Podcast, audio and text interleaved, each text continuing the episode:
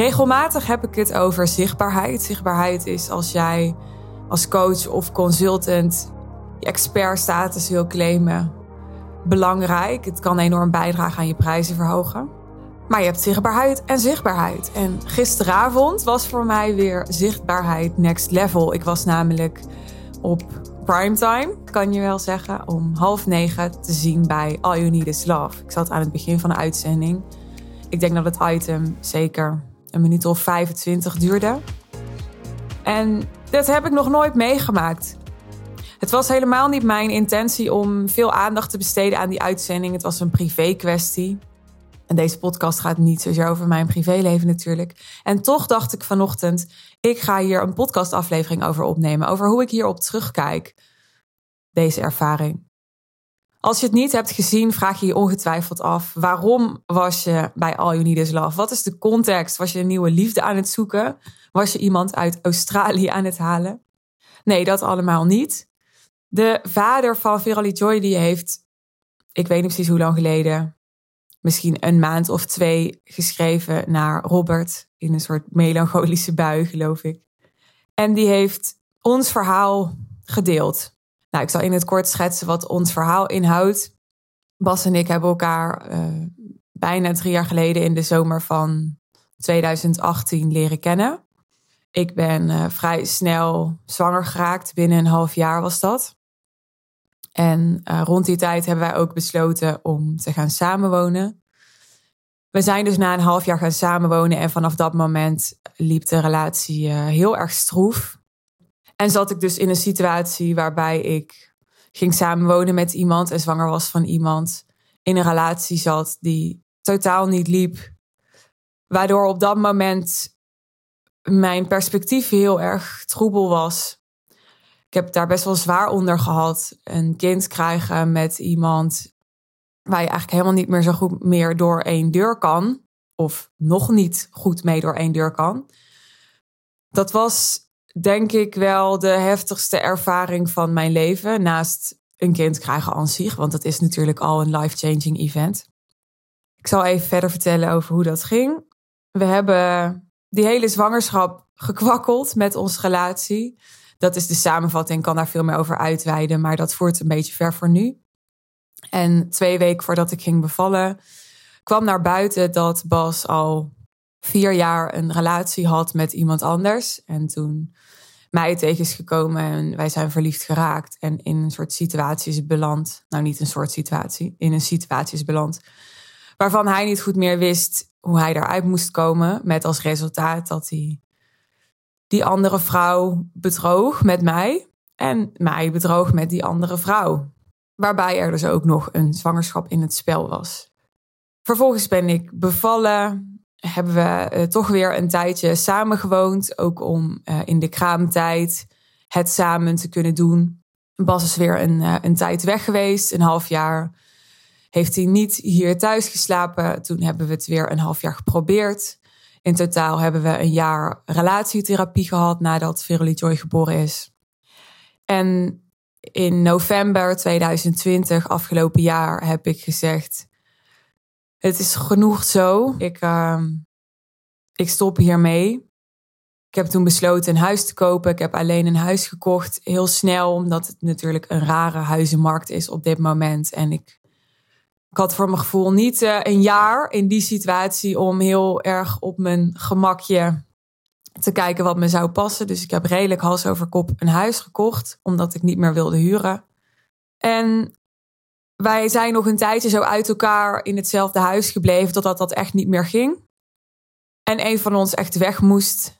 Nou, uiteindelijk is dat Bas geworden. En Bas is, dat is ook een markant detail. Misschien is het niet eens een detail van dit verhaal. Bas is toen bij mijn vader gaan wonen. Dus die woont nu een aantal maanden bij mijn vader in. Wonen is een groot woord, maar daar slaapt hij. En daar uh, heeft hij een koffer met kleren. Daar komt het op neer. Vanaf het moment dat hij bij mijn vader woonde, ging het slechter tussen ons. Het is de afgelopen twee jaar vaker met ups en downs gegaan. Maar ik denk dat we begin dit jaar echt een dieptepunt hebben gehad. Waarbij we op een gegeven moment gewoon echt niet meer on speaking terms waren. Dus alle praktische dingen moesten we met iemand erbij bespreken om te zorgen dat dingen niet escaleerden. Waar ik absoluut niet trots op ben en waar ik alles aan heb gedaan om dat te voorkomen. Wij hebben ook heel veel werk aan onszelf gedaan, terwijl we ook samen in therapie waren. En echt altijd allebei de beste bedoelingen gehad. En toch hadden wij inmiddels zoveel beschadigingen in onze relatie, denk ik. Was er zo weinig vertrouwen nog, was onze dynamiek zo verstoord. Dat het op dat moment in ieder geval niet beter ging dan dat. En ik kan me voorstellen als je nu zelf nooit in zo'n situatie hebt gezeten, in een soort vechtscheidingssituatie, dat het lastig is om je daar iets bij voor te stellen. Ik had altijd zoiets van, joh, hè, wat kinderachtig als mensen die eerst van elkaar hielden, elkaar later het leven zuur gaan maken. Hoe kan dat? Totdat je zelf in zo'n, in zo'n situatie belandt en dan realiseer je opeens, oké, zo, zo relatief makkelijk toch eigenlijk, of, of venijnig kun je in zo'n situatie belanden. Bas heeft uh, in die tijd ongeveer, ik weet dus niet precies wanneer, Robert en Brink aangeschreven en werd gebeld en zei: We willen jouw verhaal delen op tv. Vervolgens ben ik begin maart echt totaal verrast, terwijl ik gewoon op een dinsdagmiddag aan het werk was, thuis op mijn kantoor. En dus opeens Robert en Brink met een cameraploeg voor mijn deur stond. Nou, ik dacht altijd als ik naar dat soort programma's keek, joh, waren die mensen toch niet hè, even subtiel ingelicht of gehint over dat er wat ging gebeuren, zodat ze nog even iets anders aan konden trekken of op zijn minst thuis waren.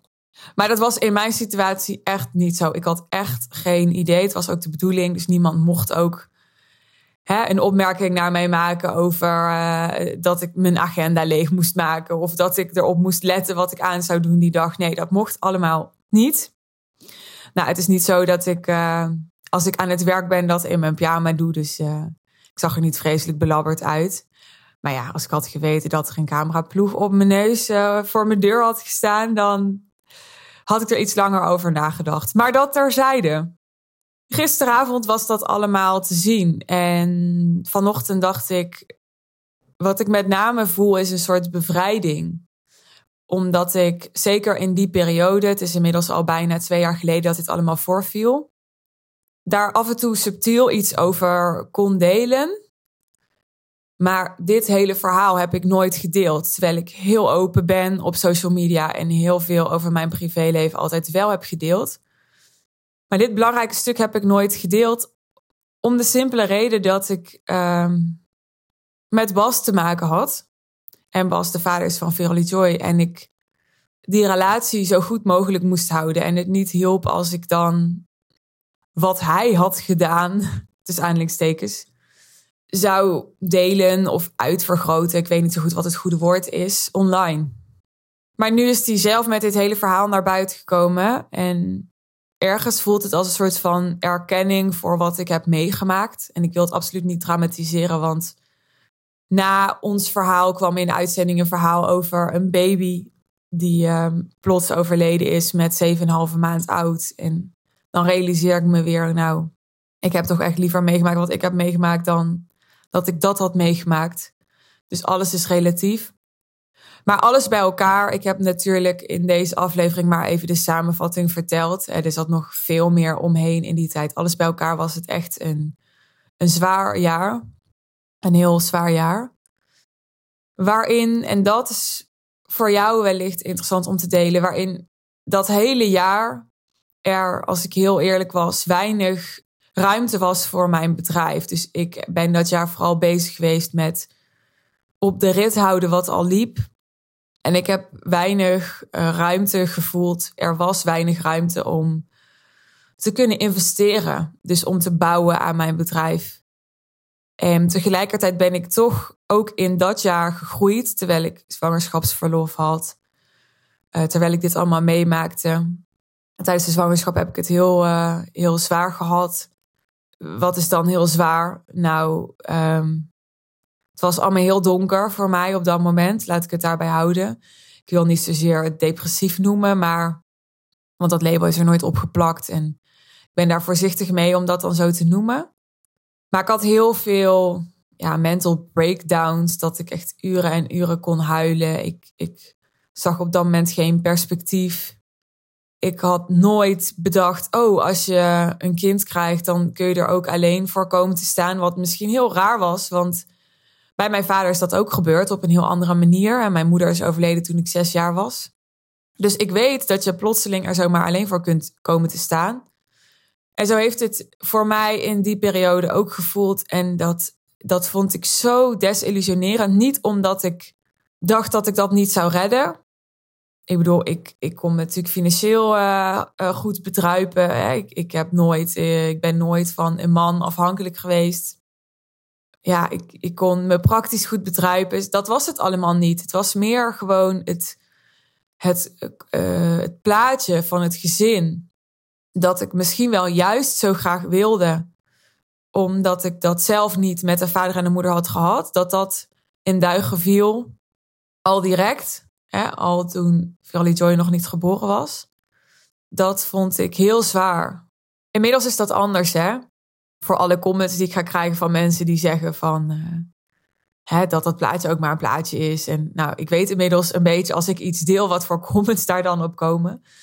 Inmiddels zijn we bijna twee jaar verder. En, en als ik het nu alleen zou moeten doen... dan, dan zou ik dat uh, absoluut niet zo leuk vinden als met een goede relatie natuurlijk. Maar inmiddels ben ik daar helemaal oké mee en heb ik al heel veel doorwerkt en verwerkt. En hè, kan ik veel meer met retrospectie terugkijken op de situatie. Hoe ik het heb ervaren is dat ik, ondanks dat het heftig is om de verantwoordelijkheid van een bedrijf te dragen, ik juist in die periode zo dankbaar was dat ik ondernemer ben. Niet alleen omdat ik echt niet had geweten in die periode hoe ik praktisch en emotioneel met alles wat er speelde, dat had moeten combineren met een baan. Maar ook en vooral omdat juist in die periode ondernemen ook heel erg houvast gaf. En mij nog steeds houvast geeft ik heb sowieso een vrij bewogen leven gehad. Het is niet zo dat uh, dit het enige is wat ik heb meegemaakt. Mijn leven is, als ik terugkijk, misschien wel niet één jaar echt stabiel geweest. Het begon er al mee dat, uh, nou ja, dat dus jong mijn moeder overleed. Maar ik heb bijvoorbeeld ook twee klassen overgeslagen op de basisschool. Heb dus als kind al ja, ik, ik, wil, ik wilde zeggen, was er altijd iets met mij? Maar dat klinkt alsof ik daar een overtuiging op heb en zo ervaar ik dat niet. Maar er speelde altijd iets in mijn leven. En dat is ook wel een soort patroon, denk ik. Ik ben iemand die van nature graag stabiliteit heeft en zekerheid voor mijn gevoel. En het grappige is, ik creëer altijd situaties waarin um, dat er ogenschijnlijk, want uiteindelijk zit die stabiliteit en zekerheid natuurlijk in jezelf, maar dat er ogenschijnlijk er niet is. En inmiddels vind ik dat niet meer zo erg, want het heeft me zo veerkrachtig gemaakt, al die dingen die ik heb meegemaakt, dat ik nu zeker nu er een kind is en ik voel, oké, daar, daar kan ik ook alleen voor zorgen en ik kan dit aan en ik kan dit combineren met een bedrijf. En ja, ik voel me echt nu onoverwinnelijk. Ik denk echt, ja, wat, wat wat wil het leven me nu nog aandoen? Ja, als er echt iets ernstigs met Verily Joy zou zijn, dat zou nog next level zijn. Dat zou nog, nog steeds ondraaglijk zijn. Maar voor de rest denk ik, als ik failliet zou gaan, ik noem maar even iets, dan, ja, dan begin ik wel weer opnieuw. Als het um, tussen Bas en mij niet goed zou gaan, op wat voor manier goed dan ook, dan heb ik nu in ieder geval een eigen huis. En als ik dat huis zou verliezen, dan, dan creëer ik wel weer een ander huis. Omdat ik weet dat ik die financiën heb. Omdat ik weet dat ik ja, het vertrouwen in mezelf heb om altijd, als dat nodig is, praktische oplossingen te kunnen vinden. Dus ik voel me op dit punt in mijn leven, het klinkt echt als een cliché, maar sterker dan ik me ooit heb gevoeld. En ook, ook echt heel sterk. En ik hoop vooral dat ik daarin een rolmodel kan zijn voor mensen en dan met name ondernemers, want ondernemers zijn mijn lievelingsmensen. Niet meer zo bang te zijn voor de tegenslag, maar bijna, ik heb geleerd dat dit een paradoxale intentie is, zo noemen ze dat, bijna de tegenslag op te zoeken, Wat ik al dan niet onbewust wellicht ook sommige momenten heb gedaan. Gewoon door, ja, door risico te nemen. En door die tegenslag op te zoeken, of dat risico op te zoeken, of die uitdaging op te zoeken, daardoor ga je ervaren dat je, dat je het overleeft. En dat je er sterker uitkomt. En dat, uh, dat je nog zoveel meer op jezelf kunt vertrouwen dan je op dit moment voelt. Ik geloof ook echt dat ik nog veel meer op mezelf zou kunnen vertrouwen dan ik op dit moment voel. Als ik nog groter ga denken, als ik nog grotere stappen zou zetten, nog meer risico zou nemen, wat altijd kan, dan heb ik nog meer vertrouwen nodig. En dan ga ik ontdekken dat ik ook dat vertrouwen weer kan aanboren in mezelf. Ik realiseer me dat ik van de hak op de tak ga in deze aflevering. En dat komt omdat ik vooral een reactie wilde geven op deze aflevering. Omdat het niet goed voelde voor mij om, om zo'n landelijk tv-moment zomaar voorbij te laten gaan. Terwijl ik aan ongeveer alle andere dingen in mijn leven wel aandacht besteed. Dus ik wilde gewoon in deze aflevering wat contempleren over hoe ik terugkijk op de situatie toen. Maar ook, daar wil ik het zo nog over hebben, hoe het dan voor mij is om mezelf terug te zien op tv.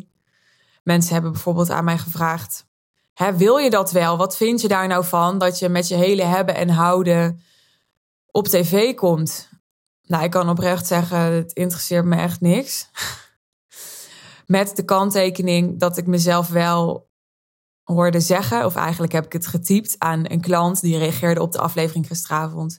En die zei: Ja, ik heb echt respect voor je. En uh, ik weet niet meer precies wat ze zei, maar in ieder geval reageerde ik op haar onder andere met: Als ik het allemaal zo terugzie, dan uh, vind ik het wel awkward. Het voelt allemaal niet echt high-end.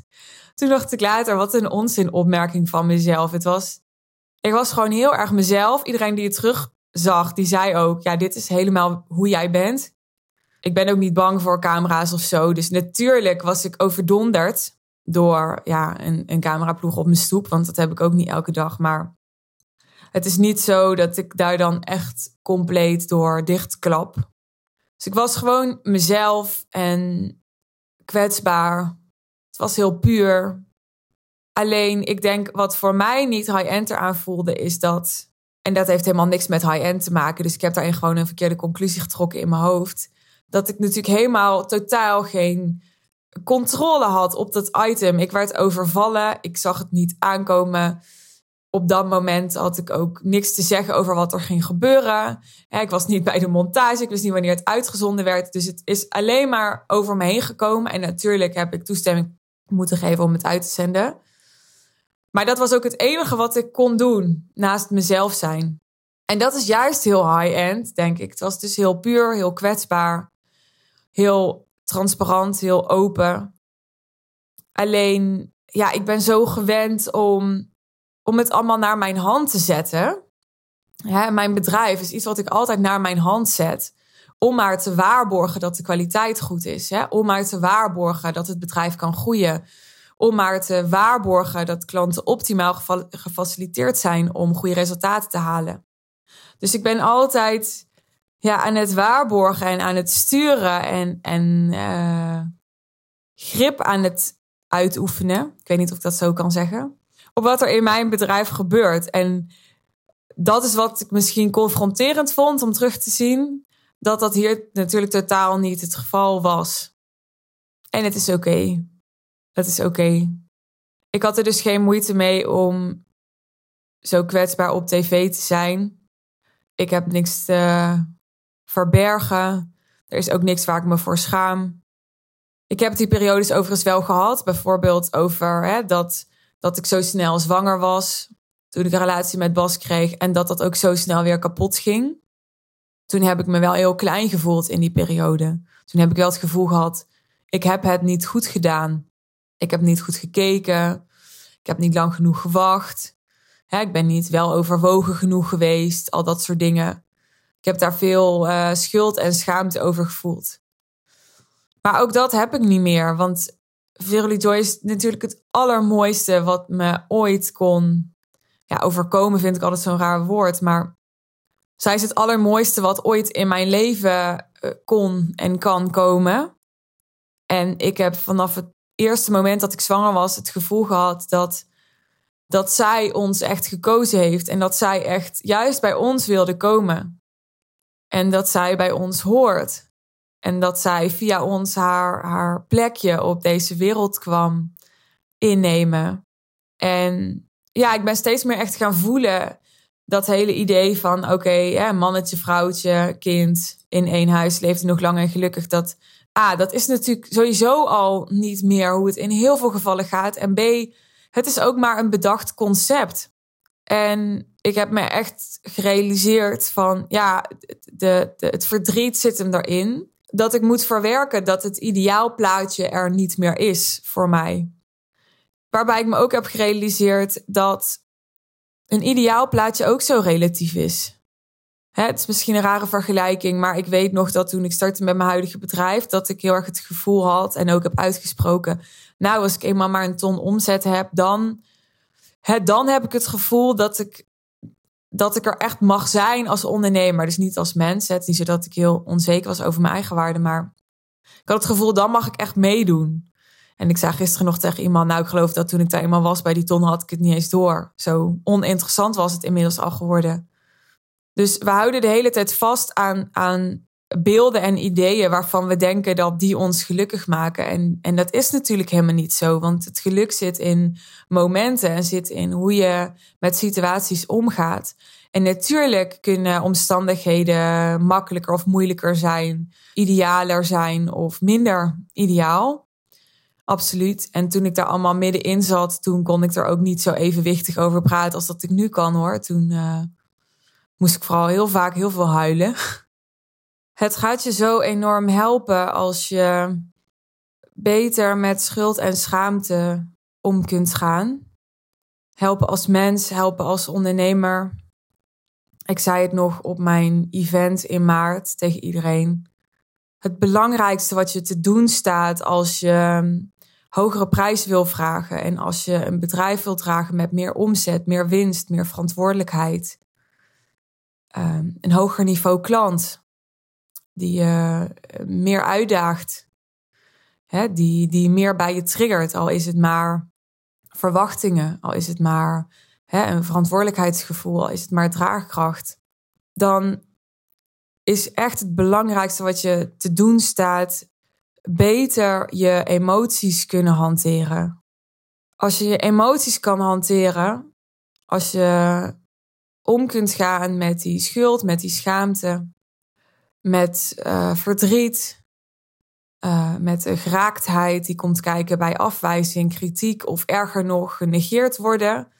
Hè, dit is misschien wel een van de ergste dingen voor ons, dat we onze nek uitsteken, onzichtbaar maken en dat niemand ons dan ziet als dat allemaal oké is, die emoties, dat dat pijn doet, dat je dat voelt, dan is er niks meer wat je niet gaat doen om te bereiken wat je wilt bereiken. En dat maakt je succesvol. Dat er niks meer is wat je niet doet omdat je weerhouden wordt door, door die emotie. En als er niks meer is wat je niet doet of niet wil doen, niet bereid bent te doen, hè, waarin je jezelf niet kunt overwinnen, dan hoef je niet eens de meest getalenteerde marketeer te zijn, de meest getalenteerde ondernemer te zijn, de meest getalenteerde verkoper te zijn. Dan ga je wel de meters maken en dan ga je wel de vaardigheden leren die je nodig hebt. Je grootste vijand is dat je, je je neer laat slaan door het leven. Ik heb echt in die afgelopen drie jaar een hoop uh, shit meegemaakt, zowel privé als in mijn bedrijf. En echt uh, mijn tanden moeten laten zien. En daarmee bedoel ik vooral moeten doorzetten. En dat is waarom, ja, ik wil niet eens zeggen waarom ik nu succesvol ben of zo. Want wat is dan succesvol? Maar wel waarom er veel mensen zijn die veel respect voor me hebben. Want dat hoor ik gewoon elke dag. En dat geeft in alle eerlijkheid mijn bedrijf voor een groot deel bestaansrecht. Want als er veel mensen zijn die veel respect voor me hebben, dat is niet genoeg. Maar dat maakt wel dat mensen me ook vertrouwen en dat ze bereid zijn om, om um, veel te betalen voor mijn begeleiding. als ik naar mezelf kijk, er zijn niet zoveel mensen waar ik echt veel respect voor heb. Dus de mensen die er zijn, daar ben ik automatisch bereid toe om, om hen meer te betalen. Dus een heel belangrijk deel van succes is overwinnen, overwinnen, overwinnen, overwinnen. En daarmee het respect creëren van jezelf in de eerste plaats. En van potentiële klanten, waardoor je marktwaarde opbouwt. Ik ben blij dat je geluisterd hebt naar uh, wat ik wilde delen hierover. Ook al ging het van de hak op de tak. Ook al had ik niet van tevoren heel duidelijk: dit is mijn boodschap voor deze aflevering. Maar ik vertrouw erop dat dat wat jij op dit moment nodig hebt, dat je dat uit deze aflevering haalt. En ik vertrouw erop dat het goed is dat ik deze aflevering heb gemaakt. Als je hebt geluisterd, dan waardeer ik het enorm om van je te lezen. Uh, je hoeft echt niet met uh, epistels te komen. Gewoon alleen al, hey, ik heb de aflevering geluisterd. Uh, dankjewel dat je het hebt gedeeld, als dat is wat je ervaart. Dat, dat vind ik echt al tof. Misschien is het voor jou alsof dat niks toevoegt. Voor mij wel. Hè? Want ik zit hier maar te praten tegen mijn kantoorraam. En ik beeld me zo in dat jij nu in het bos loopt of uh, aan het koken bent, zoals ik dat zelf wel eens doe, en aan het luisteren bent. Maar ik weet niet wie je bent. Dus ik vind het altijd mooi om, om profielen en gezichten en, en persona's te kunnen vormen bij mijn publiek. Dank je wel dat je er was. Je weet inmiddels, als je vaker luistert, je bent welkom om je te abonneren op mijn kanaal, om mijn kanaal te volgen. Als je het interessant vindt wat ik deel. Heb enorm veel plezier in podcasten. Ik heb gemerkt dat het enorm goed bij me past. Ik krijg ook enorm goede reacties op. Dus ik ben voorlopig nog niet van plan om te stoppen. Dus binnenkort hoor je gewoon weer een nieuwe aflevering. Tot dan!